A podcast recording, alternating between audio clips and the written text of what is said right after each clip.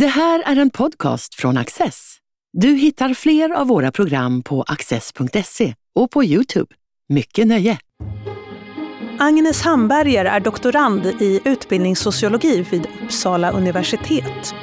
Hon skriver sin avhandling om flickor i folkskolan.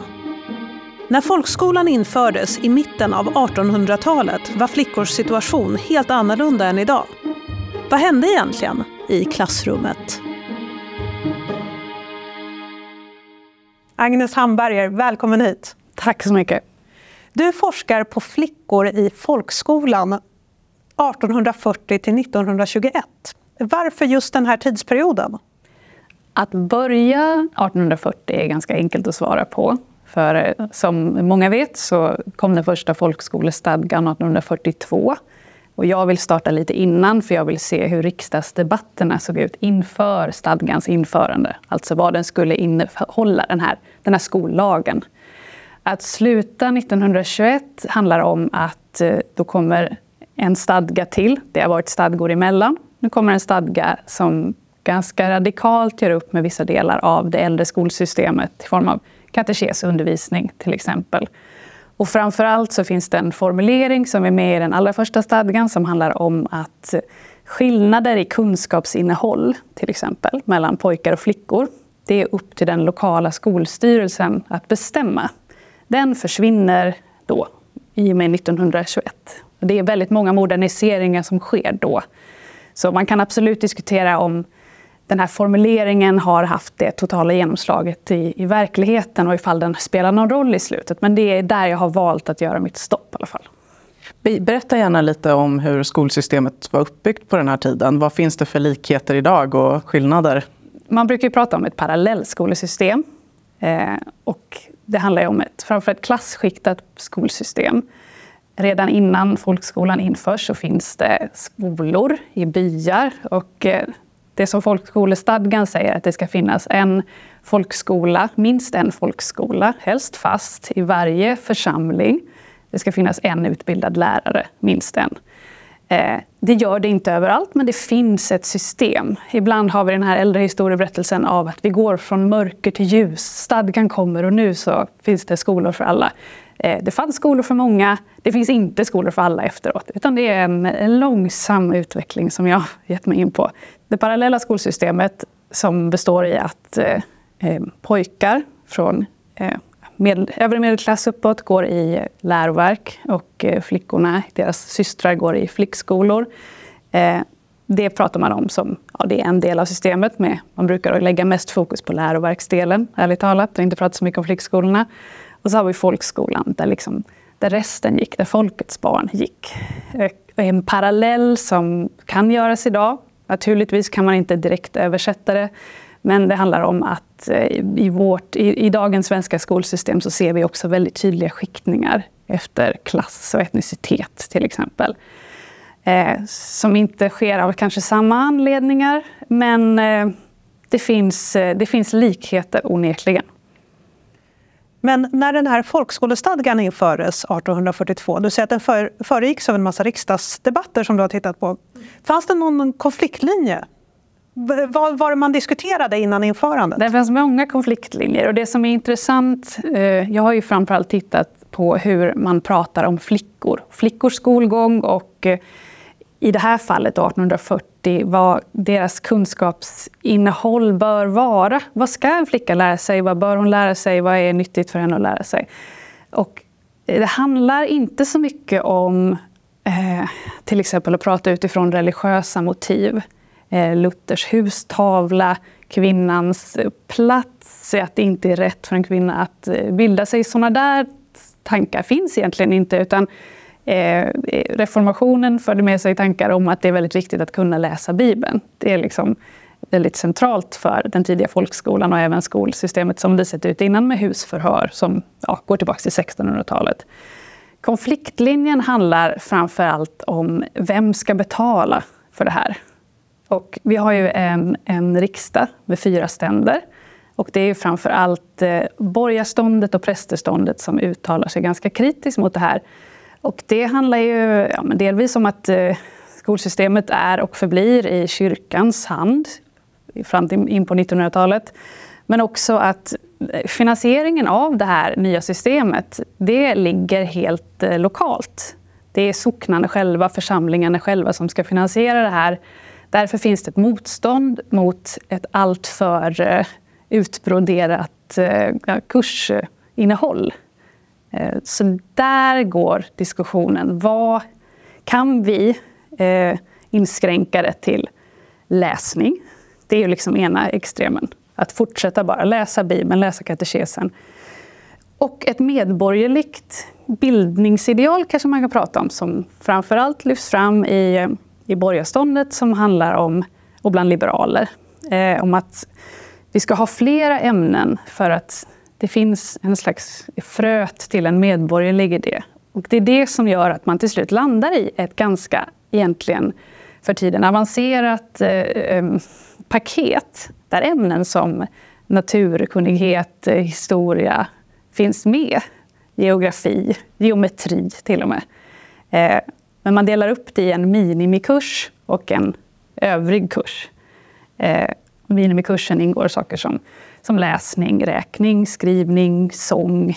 Ehm, men de facto så läser de flesta barnen, pojkar och flickor, betydligt mindre än minimikursen i början. Så det ställs krav på att lärarna ska kunna undervisa i alla de här ämnena. Men eh, det, detta har också kritiserats av senare forskning, men man har pratat om 1850-talet som något av folkskolans kris. Och jag tror inte att man kan, ingen kan säga att det inte var krisartat. För när man då har sjösatt det här enorma projektet så blir det ganska tydligt ganska snabbt att det är svårt att finansiera och det är svårt att hitta lärare. Det är ju så enormt många som helt plötsligt ska rekryteras och utbildas. Eh, så att det, det, det sker väldigt många... Ja, man, får, man får backa på ganska många punkter, kompromissa. Man inför eh, småskolor som ett sätt att få till mer lokala skolor som ställer lägre krav, som jobbar mer utifrån en minimikurs, där lärarna inte behöver vara lika utbildade till exempel. Så det finns högt uppsatta ideal i början. Och vad som sen i praktiken händer, det är någonting annat och något som skiljer sig otroligt mycket över landet. Finns det inte en lite logisk lucka här precis när man började starta upp folkskolorna? Att du säger att å ena sidan så behövde man hitta lärare som kunde väldigt mycket, som kunde undervisa inom väldigt många ämnen. Men samtidigt behövde ett jobb.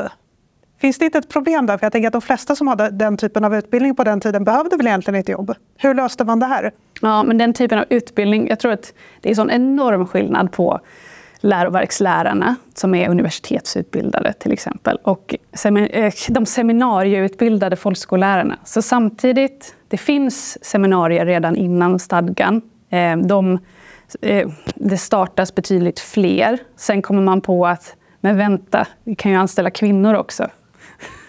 Ja. ja. du skriver bland annat om uppförsbacken för flickor som ändå ska bli husmödrar. Men är det då att de kan bli lärare sen som får det här att vända? Eller vilka tendenser? Eh, om vi pratar om lärarna, jag forskar inte på lärarna, men de flesta, eller man kan se en klassskiktning att lärarinnorna har generellt en högre klassbakgrund än lärarna.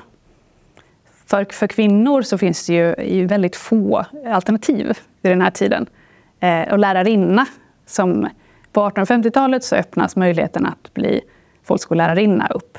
Eh, och även senare småskollärarinna också, med då lägre krav. Eh, och för även borgerliga kvinnor så är det här ett reellt alternativ. Du kan jobba på flickskolor också, absolut. Men folkskolorna blir en möjlighet att försörja sig.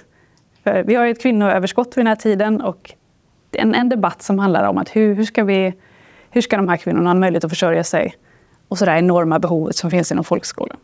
Du pratade om att det fanns en miniminivå och en maxinivå, vad ska kalla det. men den var inte uppdelad mellan pojkar och flickor. Nej. Hur, var, var gick uppdelningen mellan pojkar och flickor?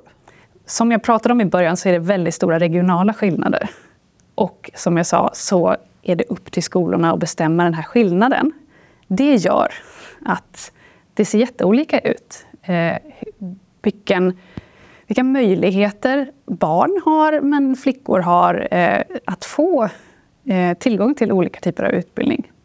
Och det, i, I städerna så finns det generellt fler resurser. större skolor byggs. De kanske får mer tid i skolan. Men det ger också möjligheten, på gott och ont, att dela upp barnen i pojkklasser och flickklasser. Och det är något som jag skriver mycket om och som jag är intresserad av. För att jag tycker att berättelsen om folkskolan har varit lite förenklad. Man har pratat om det ganska mycket som en, en, sam, eh, en samutbildande institution och som har kontrasterat det mot flickskolorna och läroverket som ju är helt könsseparerade fram till 1900-talet. Ehm, men folkskolorna är mycket mer komplexa. dels så handlar det om en, ett väldigt stort utrymme, eh, ett väldigt, stor, väldigt stor, eh, ja, ett stort land helt enkelt med många, med många olika varianter, stora avstånd, geografiska skillnader. Eh, och sen är det väldigt stora skillnader vilka resurser som finns på olika platser. Delar av landet. Södra Sverige generellt bättre resurser. Härnösands stift, halva Sverige, jättestora avstånd, dåligt med resurser. Så då kan vi se att i en eh, stadsskola där det finns flickklasser så är det inte säkert att flickorna trots resurserna får ett bredare utbildningsinnehåll, utan de kanske får minimikursen. Men i en, en lantlig skola, en landsbygdsskola, där det finns en lärare, ett klassrum, i bästa fall ett klassrum, i början så snackar vi inte alltid klassrum, eh, då finns det inga resurser att ta ut flickorna när det ska läsas vissa ämnen. Så det kan vara så att flickorna på landsbygden får ett bredare utbildningsinnehåll egentligen. Men det här med könssegregerade klasser, det var främst en, ett stadsfenomen då? Precis, det är någonting som jag har sett i städer och vid bruk egentligen. Och det handlar ju om eh, pengar och resurser. Så att bruken var rika och hade möjlighet att göra det här? Då? Precis. Bruken så finns den ytterligare dimensionen att pojkarna kunde användas som reservarbetskraft. Och det finns det också kanske praktiska fördelar med att ha dem uppdelade ifall det behövs en insats. Hur såg det ut på landsbygden med jordbruken och arbetskraften Precis, där? Precis, här har vi ju ett stort problem för folkskolan generellt. Att eh, familjerna är helt beroende av barnen för sin överlevnad. Sverige är otroligt fattigt i mitten av 1800-talet. Eh, och för många familjer så eh, har eh, kanske motståndet mot folkskolan ganska mycket att göra med eh, ja, praktisk överlevnad, möjlighet att försörja familjen. Och för flickorna handlar det i ganska stor utsträckning, särskilt i början, om att eh, vara, finnas tillgänglig i hemmet för att ta hand om yngre syskon. Eh, och även att gå vall, alltså ta hand om djur och gå, och gå med djur. Eh, för pojkar så eh, kan man säga att det i större utsträckning handlar om att ta tjänst. Men även både pojkar och flickor efter konfirmationen vid 12-13 års ålder så det är, ju, det är den inofficiella examen på något sätt. Och sen ska du jobba. Eh, folkskolan förlängs under hela min period långsamt. Först, eh, först finns det en fortsättningsskola som är, är mer, kanske mer informell och sen så blir den förlängd. Det ser olika ut på olika, i olika delar av landet. Om det blir obligatoriskt eh, sjunde år, till slut åttonde år. Så att eh, skolans roll i barnens liv växer ju under den här perioden. Och i början så har den en ganska marginell plats i väldigt många barns liv. Det finns viktigare, mer akuta problem att lösa. Ja, men det är det jag undrar. Hur kunde den växa? För de här argumenten mot att ha barnen i skolan, de är ju rimliga och rationella. Det är klart att ett fungerande system bryts upp när dina barn och din arbetskraft tas ifrån dig och du helt plötsligt ska lösa allting själv. Här pratar jag som att jag är förälder och har barn som skickas iväg till skolan. Eh, Nej, men det är ju det är rationellt att man såg den här skolan som ett problem. Så frågan är, vad såg man för vinster som gjorde att skolan faktiskt kunde växa? Ja, det finns ju olika förklaringar till det. Och det är ju inte riktigt det jag har tittat på, eh, hur folkskolan växer fram. Men det har funnits traditionellt olika förklaringar. En av dem är den, den, bara den demokratiska utvecklingen.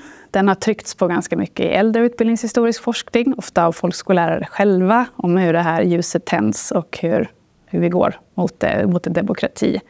Sen kom den att kritiseras ganska mycket av forskare och historiker som kanske menade att det handlade mer om disciplinering av en underklass. Så det är också ett, eh, ett argument som förklarar det här.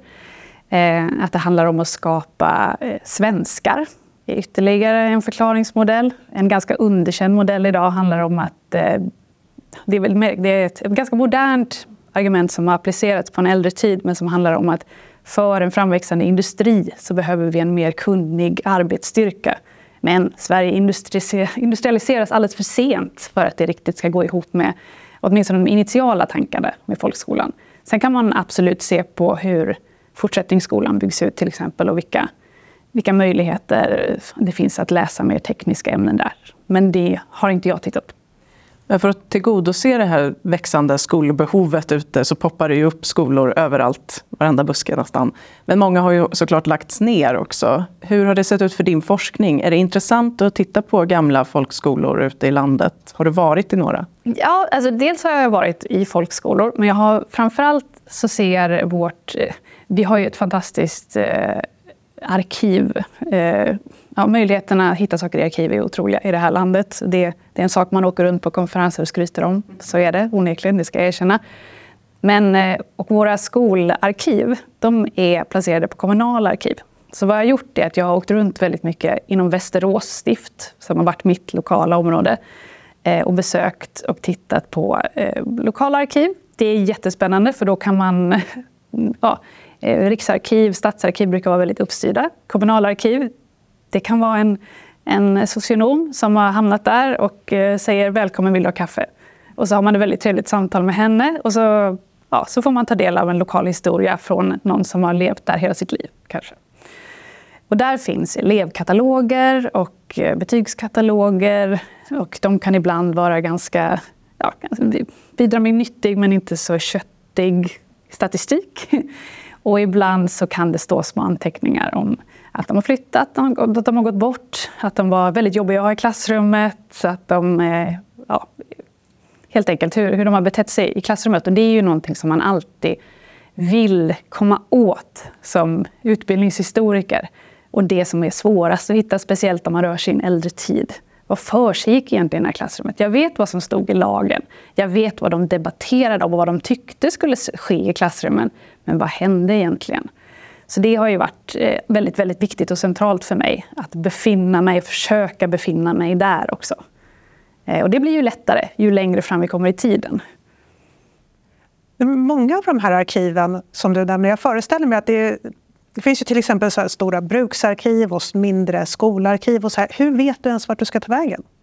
Nej, men det jag vet, eftersom jag studerar folkskolan, så vet jag att de arkiven befinner sig eh, de, de arkiven som har varit skolarkiv har tidigare varit under kyrkan men är nu under kommunala arkiv. Så om jag vet vilken plats en skola legat på, då vet jag att jag hittar materialet på det kommunala arkivet. Om man, läst, om man studerar privata skolor, då är det en helt annan svårighetsnivå att lokalisera arkivet. Det kan också vara så att det är borta.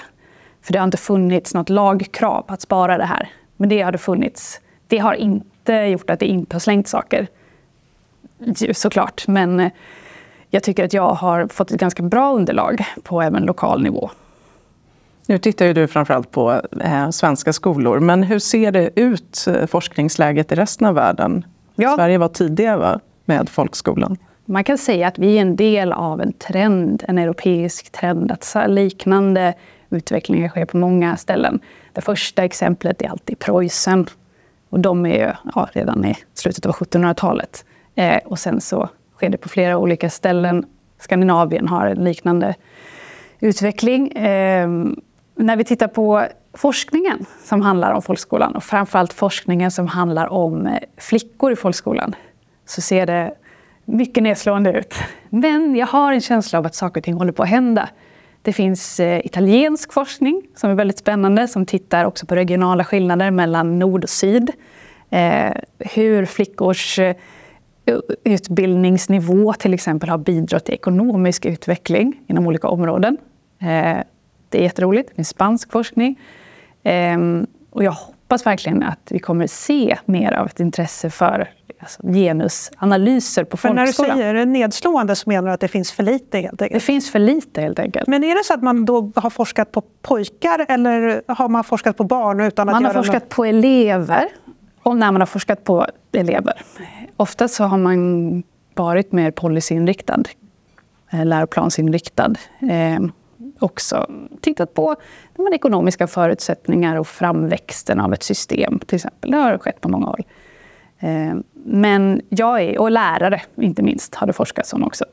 Eh, jag är ju intresserad av eleverna och eh, utbildningssociologi, som ju är mitt ämne, handlar ju om eh, delvis, kan handla om många saker, men handlar om hur individer förhåller sig till ett skolsystem, navigerar ett skolsystem. De, ja, jag menar inte att de alltid är aktiva aktörer på något sätt, men individen i det större systemet tycker jag är väldigt spännande. Vad har överraskat dig under forskningens gång? Har överraskat mig? Ja, nej, men det, det har väl överraskat mig kanske hur, eh, hur, hur, dål, hur, hur, dåligt det var för barn generellt i början. Eh, I den tidiga statistiken som jag har kunnat hitta så, så ser man ju att pojkar eh, läser mer i de flesta ämnen. Jag har jättefin statistik från 1860-talet. Eh, men att det generellt handlar om att de flesta barn inte läser så mest speciellt mycket utöver den grundläggande läsningen av katekes och bibel eh, en bra bit in på 1800-talet, mot sekelskiftet. Så, så, det, så det är väl det egentligen som har förvånat mig. Och sen så har det ju varit väldigt roligt att lära mig mer om de Eh, om, om särklasserna för flickor och eh, framförallt stadsskolornas eh, klasser för flickor eftersom det är något som inte har uppmärksammats speciellt mycket. Det är väldigt många som har skrivit sina biografier och har pratat om hur de gick i flick eller pojkklasser. Så det är inte som att jag avslöjar något helt nytt som ingen har vetat om fanns. Men i, inom forskningen så har det inte ägnats så mycket uppmärksamhet eh, kring de här eh, de här uppdelade rummen. Jag tycker de här rummen är väldigt spännande och att i, bara i arkitekturen, när man bygger de här folkskolepalatsen, så finns det ofta olika ingångar för pojkar och flickor. Och hur ja, folkskolan har tenderat att ses som en, en monolit ganska mycket. Folkskoleeleven är väldigt mycket samma. Eh, men jag vill gärna ta fram de skillnader som finns inom den här enorma apparaten de klasskillnader som finns inom apparaten eh, och hur att växa upp i en stad eller ett land, eh, på landet på, påverkar hur, hur din skolgång har sett ut. Den tillgången till skolor, tillgången till lärare, tillgången till kunskap. Men berätta om de här skilda rummen. Vad, vad hände i flickornas klassrum när de hade skilda klassrum? Vad hände hos dem som inte hände hos pojkarna? En sak som händer hos flickorna som inte händer hos pojkarna är att de läser enormt mycket slöjd Eh, handarbete. Och eh, från, bör, från allra första början, från 1840-talet, så kan jag se att i flera städer så är det egentligen standardmodellen. Att hälften av undervisningstiden går åt till slöjd eh, och resten åt teoretiska ämnen. Eh, och det pågår. Och eh, sen när jag kommer in i nästa period, in i 60 och 70-talet, och sen 80 och 90-talet, så kommer det här att kritiseras av folkskoleinspektörer. För från 1860-talet får vi folkskoleinspektion. Och det är en fantastisk källa för mig, för de är ute i skolorna och eh, ja, noterar vad som händer och vad som inte händer och vad de gillar och vad de inte gillar. Hur det förhåller sig till olika styrdokument. Eh, och de är dels kritiska på många ställen till att det här försiggår, att eh, flickorna, eh, att de teoretiska ämnena lider för att eh, de läser så mycket slöjd. Men de är också imponerade över att trots det här så presterar flickorna lika bra eller bättre än pojkarna. Och det är en diskussion som jag ser mycket fram emot att följa upp i mitt sista kapitel som jag inte har skrivit än. Alltså den här idén om att flickan är den som skolan är lämpad för. Att flickan mot kanske andra odds eh, presterar bra i skolan. Och vad säger det om skolan, flickor, pojkar och maskulinitet.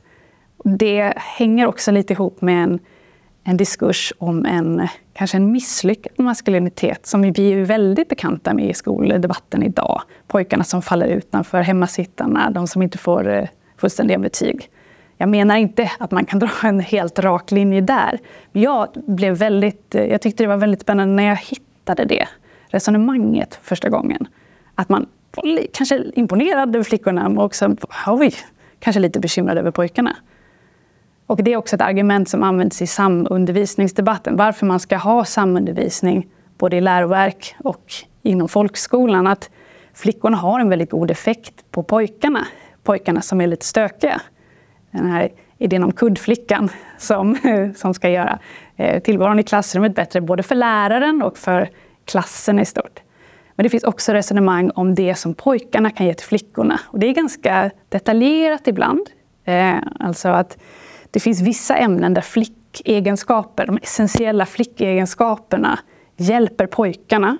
Att i skrivning så hjälper deras eh, känsla för disciplin och lugn pojkarna att ha ett större fokus. Men i historieundervisningen så kanske pojkarna har mer av en, en passion, ett eh, brinnande intresse eh, som kan ägga flickorna och göra deras skolupplevelse bättre. Så man menar verkligen att de här, det manliga och det kvinnliga kan, kan eh, stötta upp varandra på ett sätt som kommer fram i debatten under 1880 och 90-talet och som jag tidigare sett i läroverksdebatt. Men det liksom letar sig in i folkskolan också. I ett system som kanske tidigare handlat mer om att vi ska bara få det att funka. Och nu kan man börja prata om de här detaljerna som, eh, som visar kanske hur, eh, hur idéer om kvinnlighet, som tidigare appliceras bara på borgerliga flickor eller kvinnor, också kan sprida sig till folkskolans flickor. De börjar betyda någonting för en allmänhet, en allmän debatt, men kanske också att de börjar betyda någonting för staten. Det tycker jag är spännande. Agnes Hamberger, tack för att du ville komma hit och förklara din forskning. Tack. Du har just lyssnat på en podcast från Access. Du vet väl att vi också är en tv-kanal och tidning? Teckna en prenumeration idag på access.se.